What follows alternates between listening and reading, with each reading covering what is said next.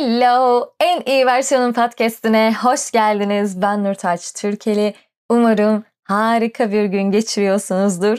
Bu girişi bu podcastleri özleyenlere kocaman bir alkış efekti çünkü bu kadar uzun zamandır beklediğiniz için ben çok teşekkür ediyorum. Instagram'dan bana ısrarla sorduğunuz için çok teşekkür ediyorum.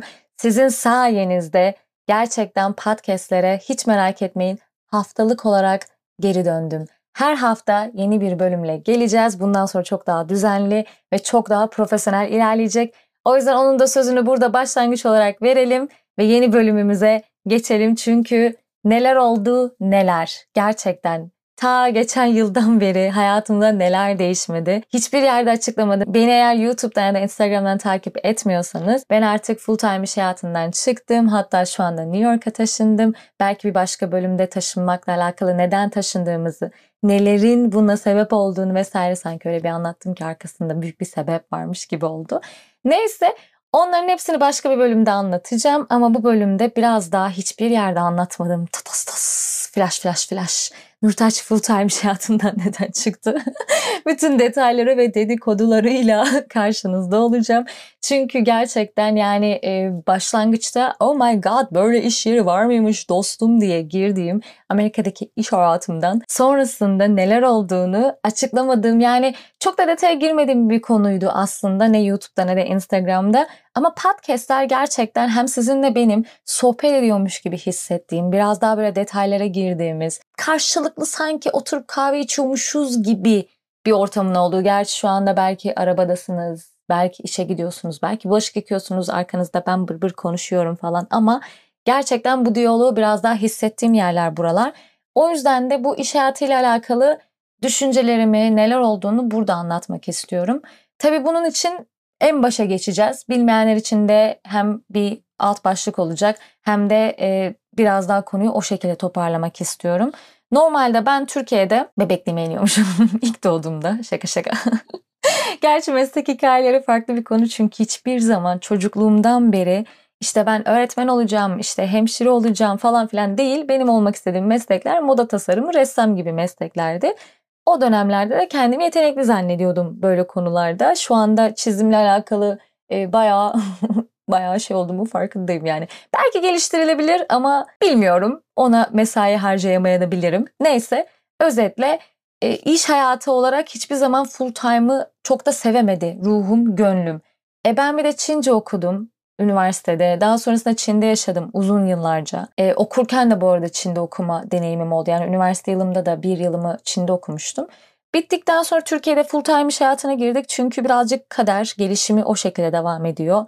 Size sunulan e, platformda üniversiteden çıkar çıkmaz karşınıza verilen işte seçenekler çok iyi bir iş hayatı başlangıcı olması için iyi bir firmada işe girmek, işte efendim ofis hayatını anlayabilmek, size fotokopi çek deniyorsa fotokopiyi çekmek, Keza benim ilk patronum aşağıda mutfakta çalışan insan olmasına rağmen benden kahve istiyordu. Ve hani Nurtaç bana bir kahve getir bakalım diye böyle sürekli odadan bağıran bir adamdı ve ben yeni mezun olmuşum tamam mı? İşte Amerika'da falan yaşamışım bir süre. Çin'de yaşamışım. Kendimi bayağı şey zannediyorum böyle ben bir işe gireceğim var ya falan zannediyorum. Tabii hayat ilk tokatını kıçık diye orada birazcık gösterdi bana. Çünkü ya yeni mezunum zaten 22 yaşında falanım böyle e, ve iş hayatından beklediğim patronun yanında hani gayet yüksek şeylerde, rütbelerde falan bir pozisyon bekler iken adamın bana kahve yap işte Nurtaç bana çay getir falan demesi bana o yaşta koymuştu ve bir gün adamın karşısına çıkıp şey demiştim. Pardon ben sizinle bir şey konuşmak istiyorum. Adam tabii buyur ne oldu Nurtaç? Ben dedim ki o dönem tabii yine e, şeyime verin ne o acemiliğime verin. Ben dedim vasıfsız mıyım?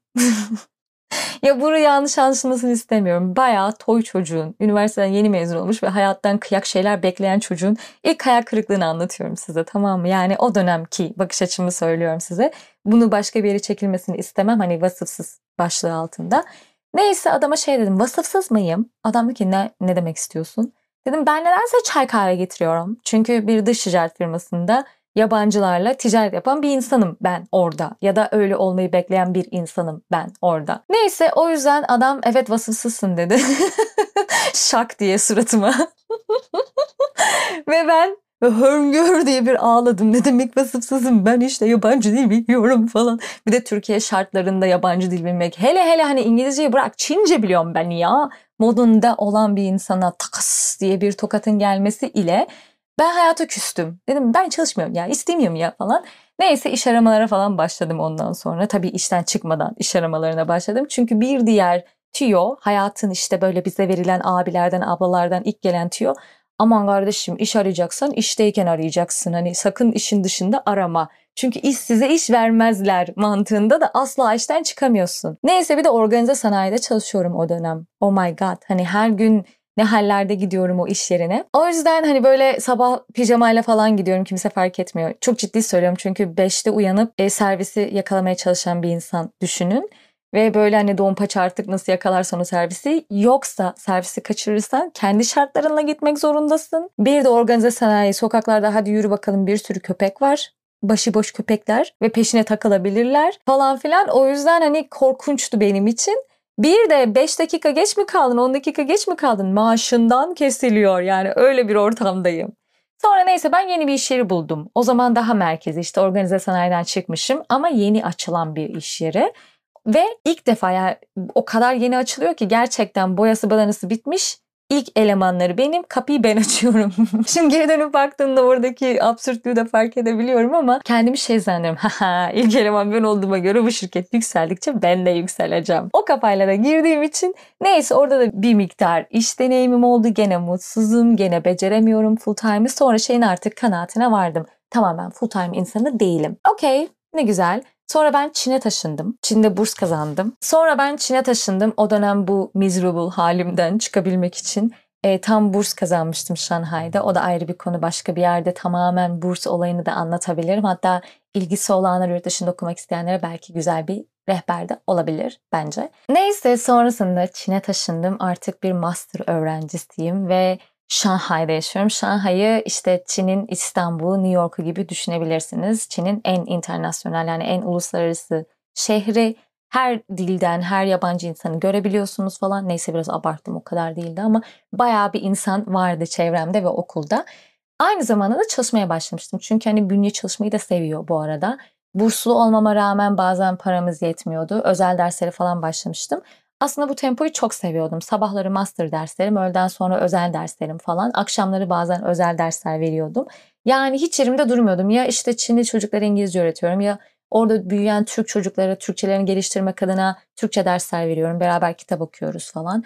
Ya da işte bazı yabancılara işte benim hani arkadaşlarım olabilecek olan insanlara Çince dersi veriyordum. Yani bayağı hatta dans dersleri falan da verdim. Sürekli bir ders verme eğilimindeyim.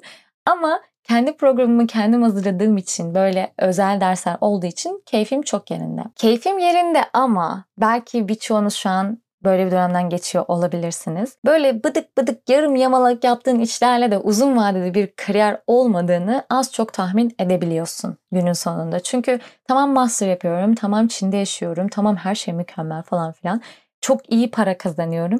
Ama günün sonunda bir yerde sanki bir duvara tosluyormuşum ya da toslayacakmışım gibi bir kaygıya da kapılabiliyorum. Keza bu bence yine günün sonunda artık kaç yaşına geldim şunu anlayabiliyorum. Bu korku ya da kaygı benden kaynaklanan bir kaygı değil. Dediğim gibi toplumun bize sunulan o güzel tabloya uymadığını fark ettiğin anda içsel olarak gelen bir kaygı bence. Yani konu senle alakalı değil. Fakat bunları anlamam öyle pat diye kolay olmadı. Uzun yıllar terapi süreçlerinden geçtim. Kendimi tanımak adına karşılaştığım sorunları artık kendi başıma halledemeyeceğimi anladığım anda gerçekten benim ilk denediğim terapi ekolü BDT'ydi yani bilişsel davranışçı terapi ile kendimi daha yakından tanıma fırsatım oldu. Bunun için de bölüm sponsorumuz olan Hayvel'e öncelikle teşekkür ediyorum. Hayvel bünyesinde 500'den fazla uzman klinik psikoloğu olan ve kendisine psikolojik destek ihtiyacı duyan insanları bir araya getiren online bir platform. İsterseniz web sitesi üzerinden, isterseniz mobil uygulama üzerinden bunu deneyebilirsiniz. Ve en güzel tarafı yine platformun içerisinde eşleştirme algoritmasından dolayı verdiğiniz cevaplara göre, bakın burası bence çok önemli. Sizin verdiğiniz cevaplara göre eşleştirilen terapist seçenekleri var ve sizin seçtiğiniz terapist ile 15 dakika ücretsiz görüşme yapabiliyorsunuz. Eğer terapistle o bağı kuramadığınızı hissediyorsanız da bunu değiştirme hakkınız var yine ücretsiz olarak.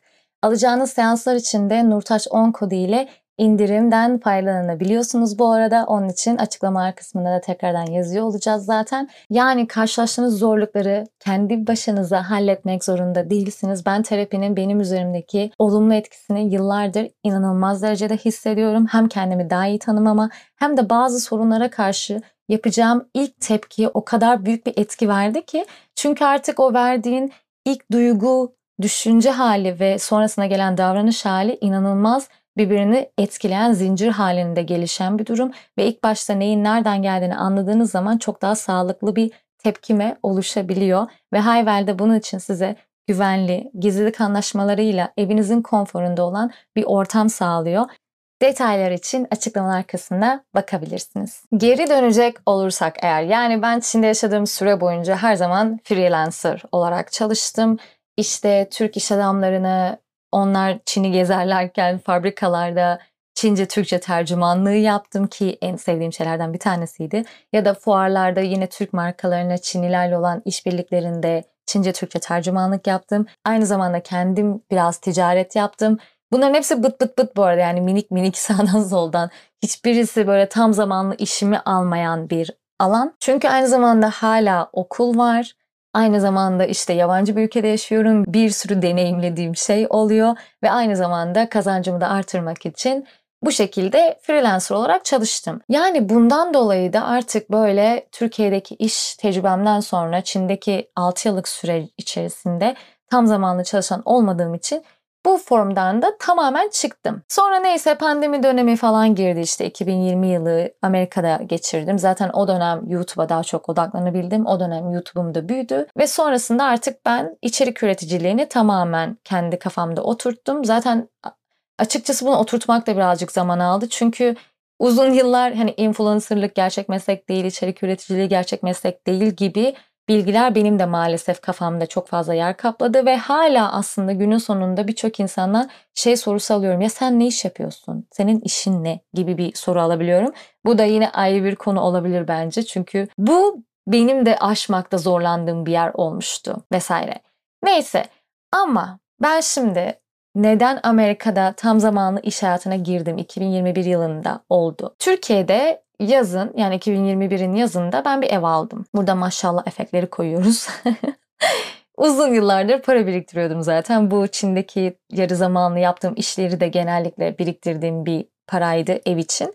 Neyse ki artık ev aldım ama ev fiyatları her yıl çok yüksek ilerlediği için Türkiye'de yani hani ben ne kadar biriktirirsem biriktireyim şey gibi hayal ediyordum. Bir merdivende çıkıyorum ama ben yükseldikçe o şey de e, ne o? O yükseklik de artıyor. Yani bir türlü sonunu göremiyorum yolun. Bu nedenle de artık o süreçte dışarıdan da destek almak adına bir borca girdim. Ve o borca girdikten sonra artık hadi bakalım freelancer olarak buna çok da güvenemiyorum. Hani kendi çünkü her ay ki gelirimi o anlamda güvenememiştim. Artık artık Amerika'ya dönüp tam zamanlı iş hayatına gireceğim düşüncesi oluştu. Döner dönmez de bir iş buldum ve nasıl oldu bilmiyorum. Çünkü Amerika'da da gerçekten hani pat diye iş bulmak biraz kısmetti bence. Çünkü şu anda New York'a taşındığımda da iş aradım. Onunla alakalı da bir bölüm gelecek. Hani Amerika'da iş bulmak, e, iş görüşmelerinde sorulan sorular vesaire. Onları da konuşmak istiyorum. Neyse o süreç çok hızlı ilerledi. Belki evren olarak bir şekilde her şey önüme dökülüyordu. Yani hani ev almak, evi yerleştirmek, işte tekrar Amerika'ya dönmek falan filan hepsi böyle önüme akıyordu o dönem. Kısmetler böyle rain halinde, yağmur halinde üzerime. Neyse ben Amerika'ya geldim. Ve hemen ilk hafta daha doğrusu onlar beni Indeed diye bir platform var burada bizim kariyer.net gibi. Oradan firma bana yazdı. Müsait misiniz falan. Ben canım ya düşüneyim falan dedim. Tabii ki de demedim. Koşa koşa gittim iş görüşmesine. Ve iş görüşmem de aşırı aşırı aşırı pozitif geçti. Çalıştığım iş yeri yarı Çinli yarı Amerika firması. Yani aslında eşler, karı koca. Kadın Çinli, adam Amerikalı. Adam Amerika'da ki artık ofisi geliştiriyor. Kadın hala Çin'de devam ediyor. Keza pandemi döneminde bu e, sınırlama sınırlandırmalardan da dolayı seyahat izinleri vesaire de yok. Çinli kadın Çin'de kalmış durumda. Oralara geleceğim neden buranın altını çizdiğimi anlayacaksınız. Amerikalı işte Amerika'daki ofisi yeni açmış ve e, teknoloji firmasıydı. Yeni bir app geliştiriliyor. Ben de influencer marketing olarak onların sosyal medyasına yani pazarlama bölümüne işe alınıyorum. Zaten influencer olduğum için. İşte bunların da hayatımda inanılmaz güzel etkileri oldu. Belki bu yüzden sosyal medyayı biraz daha içselleştirebildim gibi bir alt başlıkta burada parantezlerle yeni gelecek bölümlerin sinyalini verebiliriz. Sonra ben işte artık Amerika'da hybrid olarak yani haftanın iki günü işe gidiyorum. İş yerimiz yine YouTube'da görmediyseniz eğer ofis turu yapmıştım. O kadar güzel bir ofis. Diğer insanlarla, diğer firmada yani başka firmaların insanlarıyla da kaynaşabildiğimiz yerler var. Ben bir anda Amerika'da kendimi gerçekten oranın bir parçası olarak hissedebildiğim ofis hayatında buldum. Ve haftanın 5 günü de ofise gitmediğim için aslında hybrid sisteminin bana çok daha uyan bir form olduğunu fark ettim. Yani acayip keyfim yerinde. Bir de dediğim gibi yeni başladığı için bu app kısmı biz biraz daha böyle teknoloji ekibiyle sürekli daha enerjik, daha gırgır şama. Tabii de o zaman Secret Project diye geçiyordu. Şirkette ayrı bir havası olan, sanki gizli işler yapan. Ya garip bir enerjinin içerisine düşmüştüm ve inanılmaz keyif alıyorum. Dediğim gibi haftanın iki günü şıkır şıkır giyinip ofise gidiyorum. Çok keyfim yerinde business casual takılıyorum. Hani bu sevmediğim klasik tarzda kıyafetler de değil. Atıyorum crop top, altına kumaş pantolon ve sneakers'la işe gidebiliyorum falan filan. Yani benim aslında sevebileceğim bir iş hali, iş ortamı. Arkadaşlarım keza yani iş arkadaşlarım çok tatlı insanlar. Başlangıç olarak süper dediğim gibi. Bir de e, o zaman araba kullanmıyorum bu arada ben trenle falan gidiyordum. Bir iş arkadaşımın evi arka apartmanda çıkmasın mı? Yani şakasız direkt arkamdaki apartmanda kocaman DC, DMV area'dan bahsediyoruz. Yani çok büyük bir bölge orası. Üç tane eyaletin birleşimi olan bir bölge olduğu için. Ama benim iş arkadaşım ve çok yakın bir iş arkadaşım direkt evimin arkasındaki apartmanda yaşıyor. O yüzden tıngır tıngır işe gideceğimiz zaman tık böyle beraber arabada müziklerle, sohbetlerle falan işe gidiyoruz. Wow, her şey mükemmel. Ve o dönem işte e, Patrick de ismi iş arkadaşımın. O aynı zamanda master öğrencisiydi. Onun arabasıyla işe gidip geldiğim için işte öğlen üç buçuk hadi gidelim diyor. Kalkıp gidiyoruz, işi bırakıyoruz falan. Yok evden çalışıyorum bazen. Bu arada şunun da bilgisini vereyim. İnternasyonel bir firma olduğu için bazen sabahları 6'da işe toplantıya başlıyorduk. Bazen de akşam 9'da. Yani saatler olarak acayip esnekti. Ve her şey aslında tam benim hayal edeceğim tarzda gidiyor. Patronla aram çok iyi, yemeğe çıkıyoruz. İşte başka ülkelerden iş arkadaşlarımız geliyor. Hep beraber uzun toplantılar yapıyoruz hiçbir şey beni rahatsız etmiyor. Yani ben şeye okey bir insanım. Bazen ona kadar çalışırım akşam. Bazen de sabah işte öğlen 2'de işi bırakır eve geçerim. Yani bunu ben çok seviyorum. Esnek saatleri çok seviyorum. Esnek çalışma saatlerimize uygun kişi aranıyor. Yani anlayacağınız hayallerimde dahi kuramayacağım tarzda bir ofis hayatım var. İş hayatım var, iş arkadaşlarım var. Aldığım kazançtan memnunum. Çok yani mükemmel. Sonra bir anda Çinli patronum Amerika'ya taşınma kararı aldı. Zaten Çinli patronla yaptığımız o toplantılar da hani online görüşmeler de stresli geçiyordu. Ama ben marketingde sosyal medyacı olduğum için bir tık daha arka plandayım. Bunu bilirsiniz sosyal medya yapanlar hele ki hele ki yani bu ofis hayatında tam zaman iş yerlerinde sosyal medya sosyal medyacılar pek ciddiye alınmaz. yani ben toplantılarda bir tık geri planda duruyorum. İşte kadın bir şey sinirleniyorsa falan geri planda duruyorum. Yani böyle ilerleyen bir dinamimiz vardı. Dediğim gibi kadın bir anda Amerika'ya taşınmaya karar verdi. Bunlar benim iş hayatının 6. 7. ayında falan oluyor galiba. Biz bir teknoloji firması olduğumuz için ve app çıkartmaya çalıştığımız için bu arada hala biz diyorum demek içimde kalmış o firma nasıl kendimle bağdaştırdıysam. O dönem bir app çıkartmaya çalıştığımız için sürekli teknolojik olarak da sorunlarla karşılaşıyorduk. Um, altyapısı iyi değildi. Yaptığımız online eventlerde, etkinliklerde sürekli bir çökme, hani bug durumu oluyordu ve app'in ilerlemeyeceği artık bir şekilde maalesef belli oldu. Patronun öncelikleri değişti. Firmanın biraz daha B2B yani daha business tarafına odaklanmaya karar verdi. Yatırımcılar yatırımlarını çekti falan. Biz böyle ortada kaldık pat diye. Yani bu aslında Çinli patronun haricinde gelişen bir şey ya da bilmiyorum kadının puşuyla mı gelişti ama ve sonra işte benim menajerim de değişti ve çok garip bir kadın menajer verildi bana bir anda. Beni firmanın büyük tarafına transfer ettiler ve bir anda hiç girmediğim toplantılara girmek durumunda kaldım ve bu beni huysuzlaştırdı. bir de ben işe alınırken aslında B2C tarafına yani business to customer yani daha az profesyonel olan biraz daha benim de kendimi rahat hissedebileceğim yerlerdense beni pat diye business to business yani daha resmi, daha ciddi, daha formal şeyler hazırlamam gereken alana aldılar ve Zaten yabancı dil olduğu için ayrıca benim business İngilizcem çok iyi olmadığı için acayip o dönem ChatGPT'de yok. Acayip zorlandığım bir yer oldu ve freak out moduna geçtim. O dönem terapilere yine devam ediyorum. Terapistimle de şeyin tartışmasını yapıyordum. Yani burası kendimi zorlayıp geliştirmem gereken bir yer mi? Yoksa tamam bence yolun sonuna geldim deyip çıkmam gereken bir yer minin de e, kafa karışıklığına girdiğim dönem olmuştu. Çünkü kendimi dediğim gibi bu corporate hayatında merdivenleri çıkmak isteyen bir insan olarak görmediğim için genel olarak hatırlayın çocukluğumdan beri yani kendime uymayan bir yere zorla sokmaktansa zaten böyle ufak ufak şeylere başlamıştım ben. Tamam bana yol göründü. Sonra bu arada ben size Çin'deki tam zamanlı bir Çin firmasında çalışma tecrübemden bahsetmedim aslında. Orayı unutmuşum. Bir Çin dil okulunda bir yıla yakın tam zamanlı pazarlama ve satış bölümünde çalışmıştım ve oradan acayip derecede travmatiyim zaten. Çünkü çok garip bir patronum vardı. Benden saat başı yeni bir şey istiyordu ve böyle parmağını sağlayarak falan konuşuyordu benimle.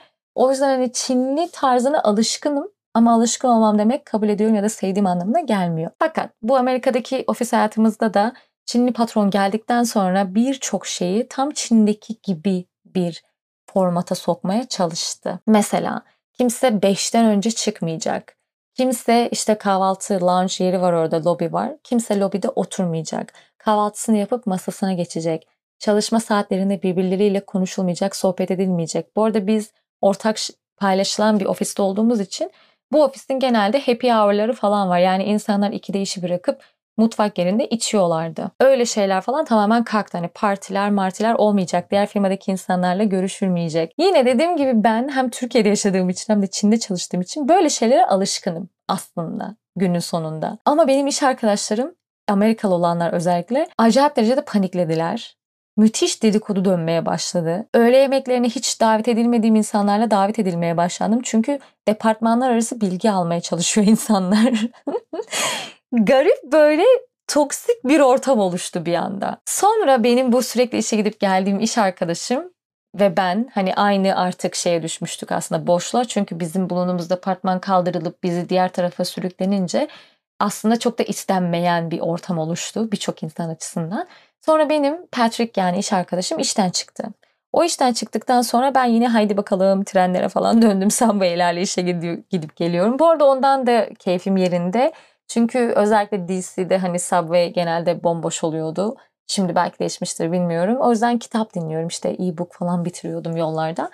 Ama genel olarak birçok şeyin dinamiği bozuldu. Sonra işte ben artık nasıl çıkabilirim? İşten çıksam mı? Ama maaşı da fena değil bana müthiş destek veriyor. Bu arada borcu bitirmiştim. Yani o borç mevzusu ilk 4 ayda falan kalkmıştı ortalıktan. Oradan sonra ben aslında tam zamanlı hayatı hybrid olarak yapabilir miyim durumunda takılı kaldım. İşte o dönemde zaten terapistten de destek alıyordum. Çünkü acaba kendimi geliştirmem gereken bir yer mi? Yoksa zaten bana uymadığını bildiğim ve buradan çıkmam gerek değil dediğim bir yer mi? Böyle bir kafa karışıklığı dönemindeyseniz de beni çok iyi anlarsınız ve ben de sizi çok iyi anlıyorum. Çünkü bazen bir şeye çok inanıyorsunuz öyle olduğunuza acayip kanaat getiriyorsunuz. Sonra öyle bir ortamda buluyorsunuz ki kendinizi bazı şeyleri tekrardan sorgulamaya başlıyorsunuz. Yani acaba ben tam zamanlı iş hayatına uygunum ama haftanın iki günü mü ofise gidebiliyorum? Ya da sadece remote olarak mı çalışabiliyorum? Ya da acaba işte başka insanlar için çalışmak konusunda çok da fena değilim. Sadece bunun işte çalışma tarzını kendime göre mi uydurmam gerekiyor gibi birçok soruyla karşılaştım ve son 3 ayım gerçekten böyle geçti. Ama kendimi ite ite gidiyorum. Yani hiç istemiyorum. Bir de her gittiğim zaman dediğim gibi bu dedikodular, toksik bir ortam, insanlar mutsuz. Hele Amerikalılar böyle şeylere pek alışkın olmadığı için acayip panik yapan, gözümün önünde iş arayan insanlar falan olmaya başlamıştı. Ve öyle olduktan sonra açıkçası şeyin sorusu ve cevabı durumu da ortadan kalktı. Yani hani yani şu belki de ben acaba tam zamanlı iş hayatına uygunum ama esnek çalışma saatleri uyduğu haliyle mi?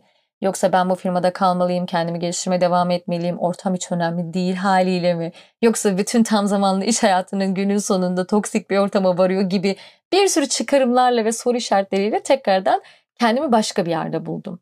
Ama tabii ki de günün sonunda toksik olduğu için size iyi gelmediğini de çok iyi fark ediyorsunuz. Çıkış yolu olarak ben aynı zamanda sosyal medya içerik ürettiğim için kendi YouTube ve Instagram hesabıma Oraya odaklanmaya karar verdim ve bu şekilde kendimi o alandan tam zamanlı iş hayatının o sorgu halinden sonunda çıkarabildim.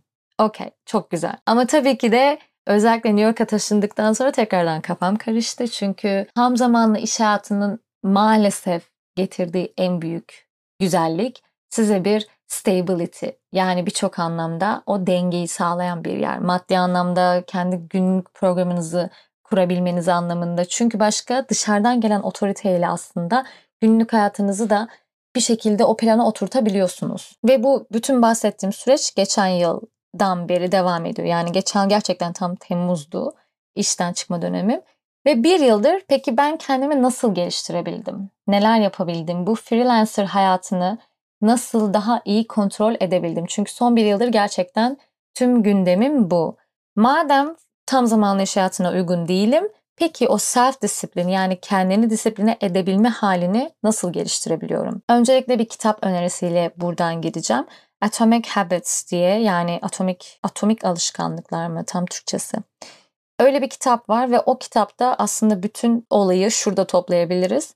Yeni bir alışkanlık geliştirmek için hani belki pat diye ertesi gün olmuyor çünkü böyle şeyler. Pat diye büyük bir adımla olmayacak ama minik minik minik minik bir şey yaptığınızda onun yıllık plana vurduğunuzdaki gelişimi o her gün attığınız minicik adımdan dolayı belki de o bir anda yapacağınız büyük değişimden çok daha etkili bir etki yaratabiliyor sizde.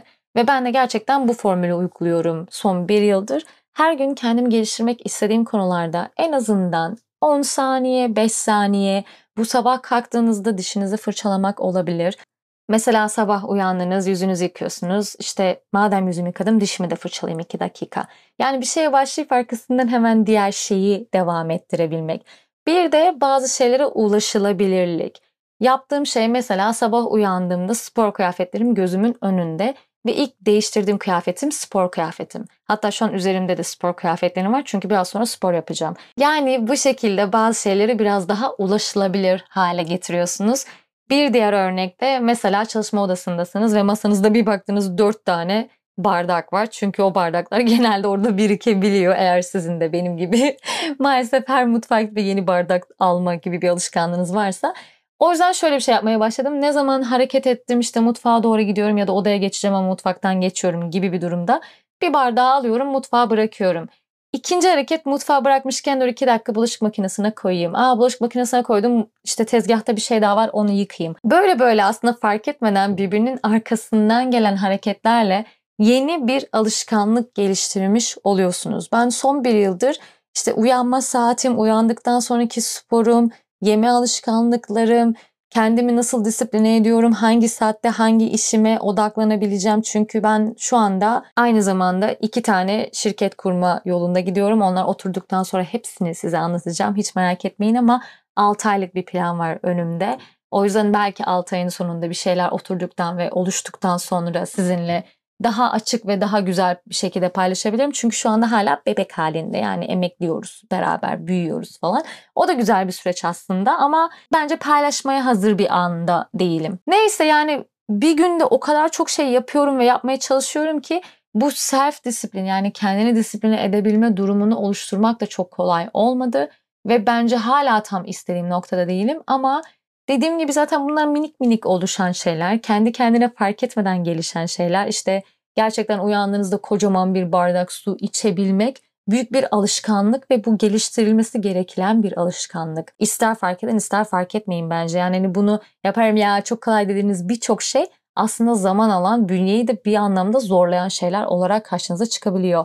Ya da benim öyle oldu. Bilmiyorum siz ne düşünüyorsunuz. Bu arada Böyle kendi düşüncelerinizi lütfen bana Instagram'dan ya da e-mail olarak da ulaştırabilirsiniz. Keza açıklamalarda Instagram'ımı ve e-mail adresimi de bulabilirsiniz. Neyse toparlayacak olursak ben artık tam zamanlı iş hayatına uygun olmadığımı hybrid dahi olsa belki bir gün yine denerim onu da konuşuruz sizinle. Az çok son geçtiğimiz bir yılda idrak ettim, anladım, azımsadım, hazmettim ve rafa kaldırdım. Bundan sonra yine dediğim gibi bak ben şeyleri de çok sivri uçlu bir insan değilim. Yani bir gün karşıma bir fırsat çıkar yine denerim. Onun da konuşmasını yaparız. Çünkü şeyi de seviyorum yani esnek olma halimi de çok seviyorum kendimle alakalı olarak canım ben.